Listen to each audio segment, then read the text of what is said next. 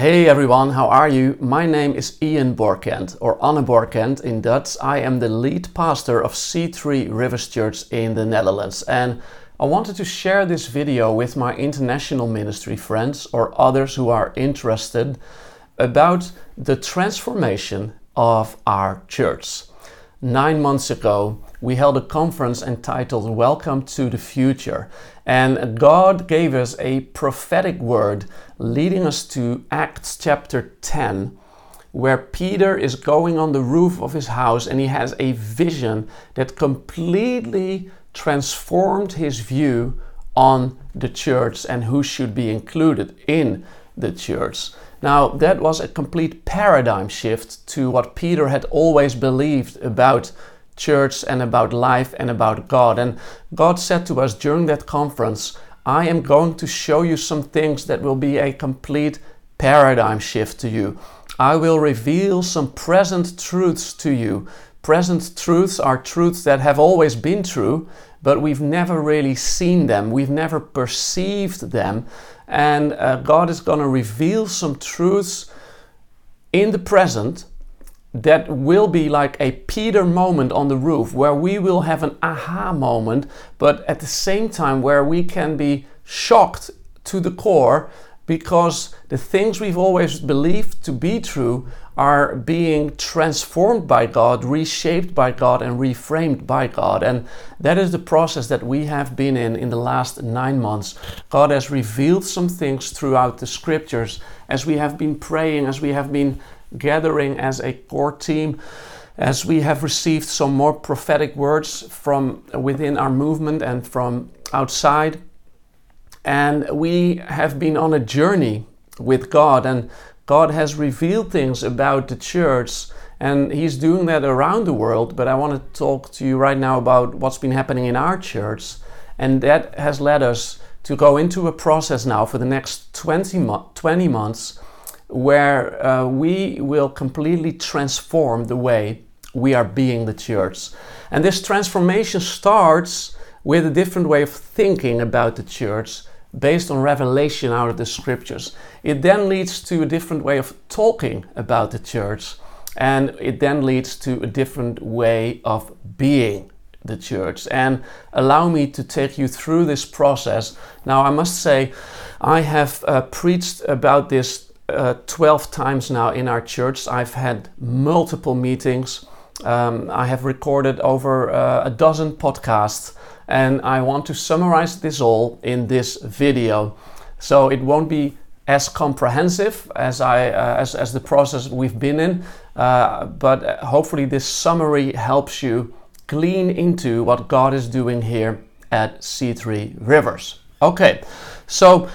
Um, what's important uh, to start with is uh, is uh, the book of Acts, and I'm going to read a few scriptures, and I have some post-it notes here, uh, also from elsewhere in the Bible. But I want to start now with Acts chapter 15, because when Peter has this vision in Acts chapter 10, um, they start to have a conference around this issue where they meet with the apostles and the leaders in Jerusalem. It's called the Council at Jerusalem, where they determine um, how they will apply this new revelation that the Gentiles also belong to the church. And um, basically, there's there are several elements at work in how they come to outwork that revelation. First of all, um, they don't immediately start with strategy and methodology. This is very important to notice. Often, when we receive from God a revelation about new ways of thinking or doing things, we can sometimes get ahead of God or get ahead of ourselves and immediately start to want to change the outside. So, we want to change forms or structures. However, if there's not an internal transformation first, um, then that outside transformation will not last. And the same principle we see at work in Acts chapter 15. We see they first go to the Word of God. They um, are talking about the vision that, that Peter had and that the Gentiles belong, and then someone stands up in um, Acts 15, verse uh, 13. James speaks up and he says, listen to me, the words of the, prof- of the prophets are in alignment with what Peter has said, as it is written, after this I will return and so forth. And he continues and he, he quotes there a prophet, um, a prophet Amos. And so they start with their theology. They start on the inside with the scriptures. What is the theology behind all this? Then they proceed to talk about their philosophy, the values of all this. And only in the end, they come up with a strategy.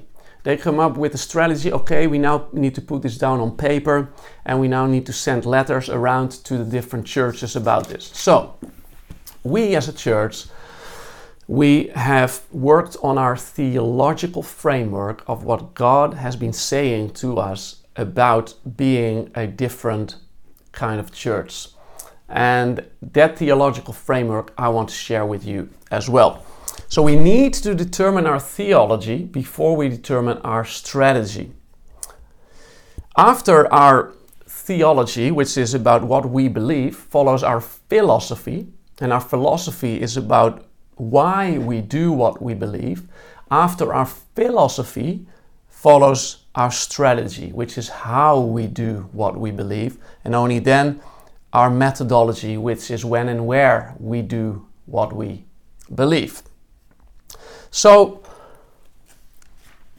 let's go to our theology about the church and present, some present truths that we have discovered. I'm going to first share with you four present truths that we have discovered about the church, things that have always been true, but we just never saw it so clearly before. All right, I have some notes here, if you allow me. So, the first truth we have discovered is that the New Testament church that God wants us to be is moving from consumerism to personal disciplines. Everyone is a Jesus follower. That's the first present truth. The second present truth is to follow Jesus can only be done in community with other Jesus followers. The third present truth is that every Jesus follower takes initiative. The Jesus followers, they take the initiative. And the fourth present truth is the community of Jesus followers will be equipped by the fivefold ministry. Now, all these things seem really obvious.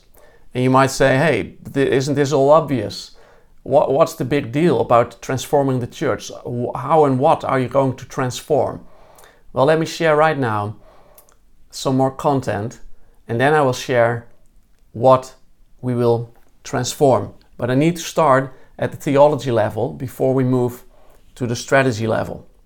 All right, so let's dive into Acts chapter 2 and, and see some things, maybe for the first time or maybe afresh. Acts 2, verse 42. Here, this is a blueprint for us as a church.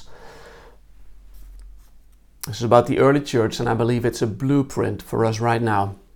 It says here, they devoted themselves to the apostles' teaching and to fellowship, to the breaking of bread, and to prayer. Everyone was filled with awe at the many wonders and signs performed by the apostles. All the believers were together and had everything in common, and they sold property and possessions to give to anyone who had need. And every day they continued to meet together in the temple and broke bread in their homes and ate together with glad and sincere hearts, praising God and enjoying the favor of all the people. And the Lord added to their number daily those who wanted to be saved. Okay, there are so much in this, but the first thing that, that, that we have discovered is that is the word they. It says here, they devoted themselves to four things. They devoted themselves to the apostles' teaching, they devoted themselves to fellowship, they devoted themselves to the breaking of bread, and they devoted themselves to prayer. Who is they? They is those following Jesus for themselves in their daily lives, meeting regularly in each other's homes and in the temple. They devoted themselves to the apostles' teaching. So, who took the initiatives? Was it that the apostles chased them? Or was it that they chased the apostles? They devoted themselves to the apostles' teaching. So they, the Jesus followers, they took the initiatives. They received as much as uh, of the apostles' teaching as they wanted. So the initiative is with the Jesus follower. That's a very important one. Secondly, they devoted themselves to fellowship. They devoted themselves to fellowship. They who wanted to fellowship, they fellowshipped. They who wanted to meet with other Jesus followers, they met with other Jesus followers. The third thing here, they devoted themselves to the breaking of bread. It doesn't say, and they happened to sit on a chair on Sunday morning in a, in a, in a church service, and they happened to receive some bread and and apparently it was a communion Sunday. No, no, no. They devoted themselves to the breaking of bread. They broke bread. Where did they break bread? They broke bread in their homes. They devoted themselves to break bread in their own homes. And fourthly, they devoted themselves to prayer. They prayed. So, all of the initiative lies with the Jesus followers who devote themselves to the apostles' teaching, who devote themselves to fellowship, to the breaking of bread, and to prayer. They take the initiative. That's a very important theological foundation for where we are heading as, as a church. That means we're moving from consumerism to personal disciplines. Personal disciplines such as prayer, the breaking of bread, fasting, all these things, the personal disciplines of the Jesus followers.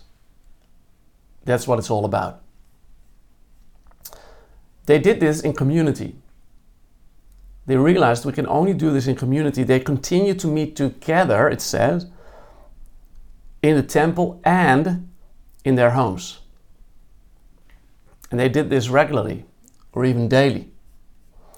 So, what we see is, is the following, and I want to I wanna show you an image. Maybe this helps. The vision is this is a Dutch image, but I'll explain. The vision is they follow Jesus. Jesus, to follow Jesus, it says here. They did this in community with others. Out in the community, they learned personal disciplines, such as the things I just listed. And out of the personal disciplines, they then reached out to others. And, and the Lord added those who were being saved and those who wanted to be saved. So they had such a lifestyle, uh, such, such a magnetic lifestyle. Through, through these personal disciplines, they had such a magnetic and attractive lifestyle that outreach was easy because the people around their world they reached out to them. They asked them hey give us a reason for the hope that you have.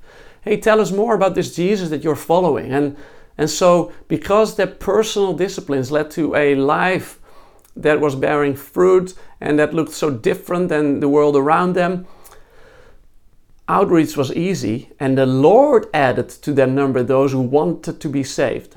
So, we see here that as people follow Jesus for themselves in community with others, they learn personal disciplines that then lead to reach uh, outreach to more people who also want to be included in that community. And that's how the church builds itself and that's how the church grows. Now, this has led us, this all has led us to think about what is church. And the first thing we're realizing is that church is whenever. It's whenever. Church is not a building and it's not on Sunday morning only. Church is whenever. Whenever we meet, we are the church. And this is important. And, and again, many people they believe this, and when I say this, they think it's obvious. However, if it is so obvious, why is there so much focus on the Sunday service only? And is the rest often so optional? These guys, the Jesus followers, they are meeting continually. Now, I have heard people say, yes, but it's not, it can't work. You know, it's like a G12 model, it won't work in the West because we're too busy. Well, I'm not talking about a model, I'm not talking about G12, I'm not talking about uh, meeting in an, in an official way with a connect group every single day. Now, I'm talking about an organic lifestyle where on Monday um, you're, you're walking and praying with someone. On, on Tuesday, you're going to a connect group evening. On Wednesday, you give someone a phone call. Can only be five minutes, might only be five minutes. On, on Thursday, uh, you're uh, going to a team uh, meeting. On, on Friday, yeah, you, you spend time with Jesus, uh, an extensive time of prayer and fasting for yourself. And on Saturday, you go for a walk uh, in the forest with some friends. And, and so you might say, well, you've only had one or two official church meetings, but hey, let's look at your week. You have spent time with other Christians throughout the week. And that's how you're being the church. And those other Christians can even be from different churches. Uh, Jesus followers are found across a spectrum of churches. And so you might have a coffee with a friend who's from another church who's also a Jesus follower. Well, at that point in time, you are being the church because where two or three gather in my name and agree on things, that's where Jesus is in our midst. So the first thing we need to discover is that church is whenever. The second thing we're discovering is that church is wherever. Um, I have listed where the church met in the book of Acts, and I can't go through that in detail, but we see that the church met at the river, they met uh, in people's houses, and they met in the temple, and they met uh, on the market square. Uh, they met wherever. So, again, wherever you are gathered with two or three, and you agree on things in Jesus' name, that is where Jesus is in your midst, and that's where you are being the church. So, church is whenever and it is wherever. Now, the question is what then, what does that then mean for our Sunday morning services, and what does it mean for how we are being the church throughout the week? If we combine this with a community model, if we combine it with development of personal disciplines, where does this lead us? All right. So, um, this leads us to Genesis chapter 6. Well, this led me to Genesis chapter 6. Let me share this with you. In Genesis chapter 6, Noah is called to build an ark. And God doesn't give him uh, a lot of details, but He does give him seven specifications in how to build this ark. And one of them is, uh, let me see, it says here in Genesis chapter uh, 6, verse 16 make a lower, a middle, and an upper deck. In other translations, it says make three floors in the ark, three levels. Okay, the New Testament church is like an ark. It's an ark where we're all in it together. We are protected as we are staying together. We're protected against the, the elements, against the storms uh, in the world, because we're, we're in the boat together and we stick together. Now, this ark has three different levels, and these three levels are like three levels of being the church. And those levels, they summarize the different kind of places where we are the church. The top level is the temple. The middle level is the table. And the lower level is the world of the Jesus followers. So let me explain. In the ark of the church, the animals came into the ark from the lower level. How do people come into the ark of the church? They come in through the world of the Jesus followers. So the Jesus followers, they all have a world. They, they could be involved in the world of entertainment, that's their world.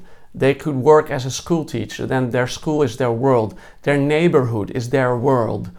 Uh, their career could be their world. Every Jesus follower has a world where he or she is active.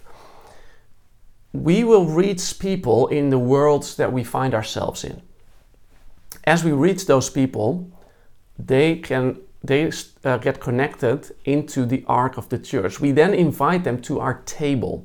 A table could be a literal table, but it could also be a small table. It could be including a meal, it could also be having a coffee. But it is a small group of people that commune together, and there, there could be prayer, uh, there are definitely conversations.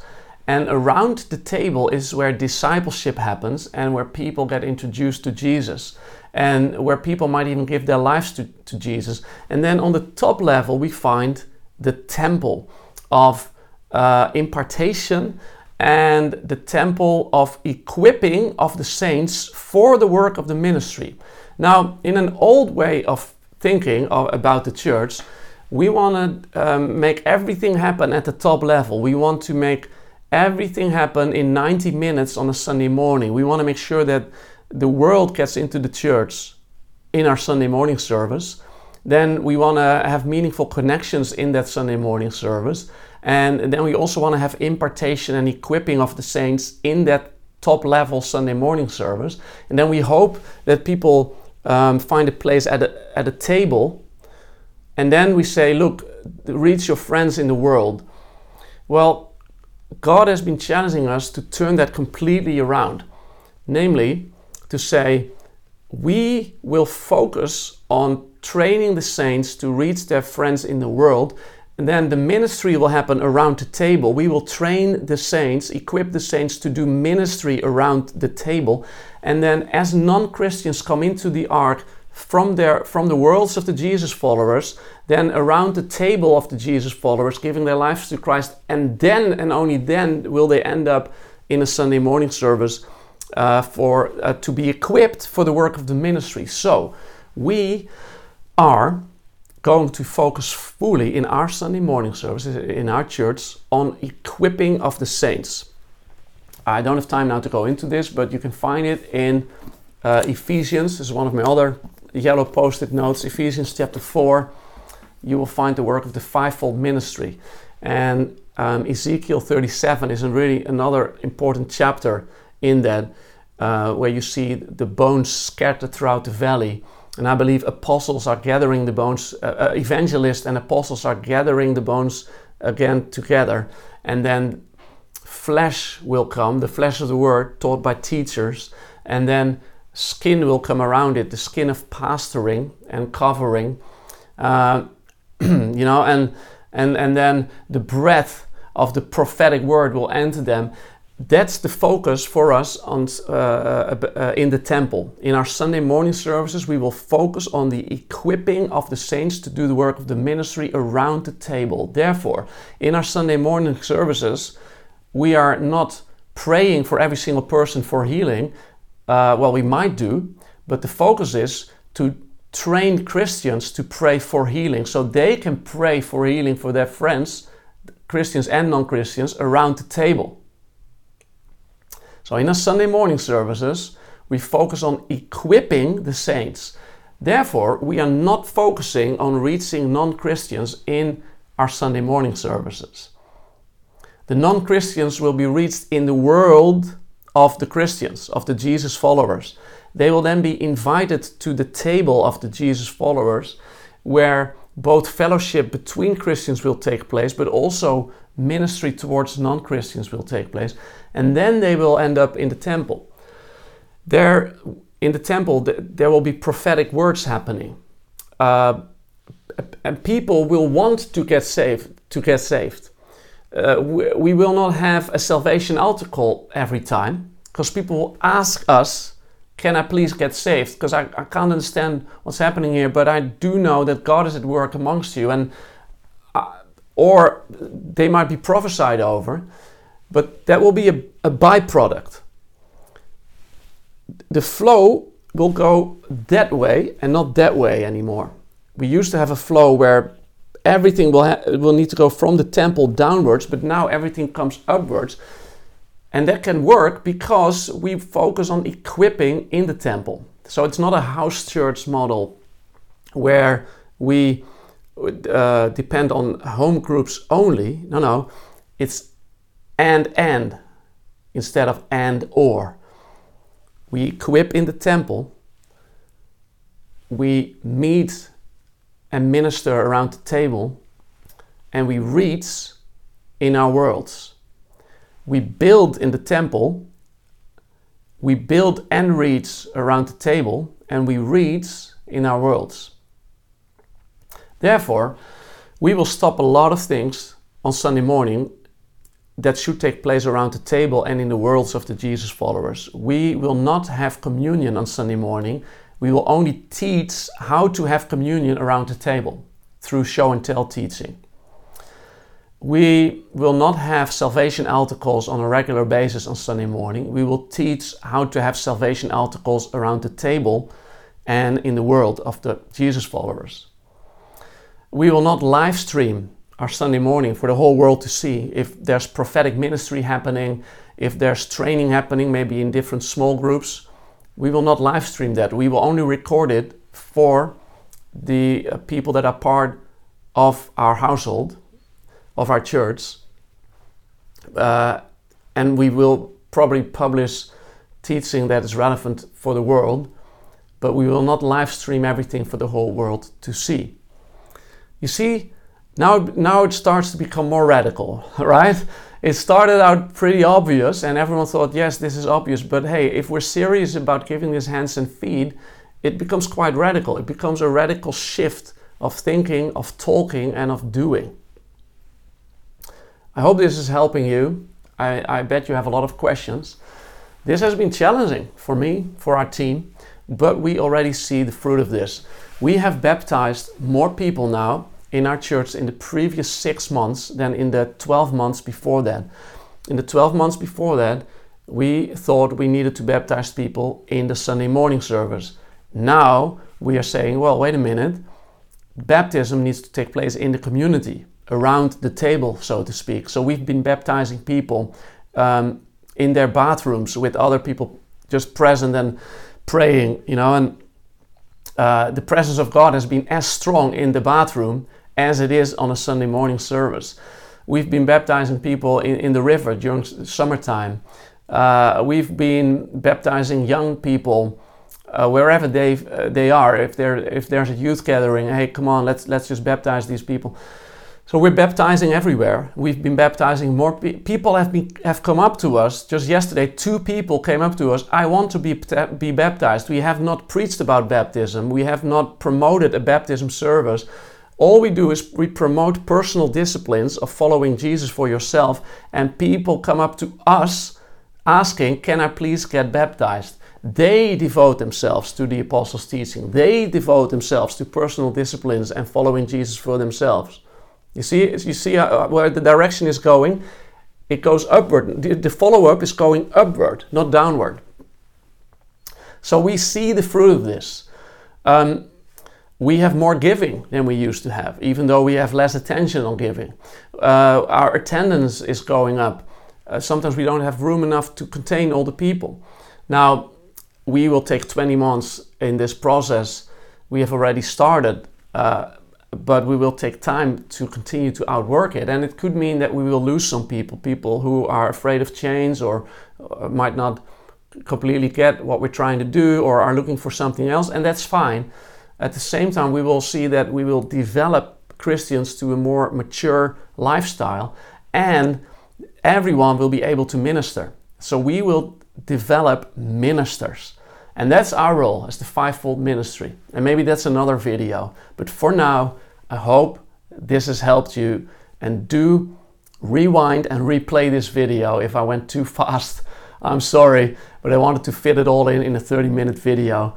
And uh, this is a process of nine months and a lot of talking, hours and hours of talking, praying, and reading the Bible, all for you condensed into this 30 minute video. If you have any questions, don't hesitate to contact me. Love you. God bless you.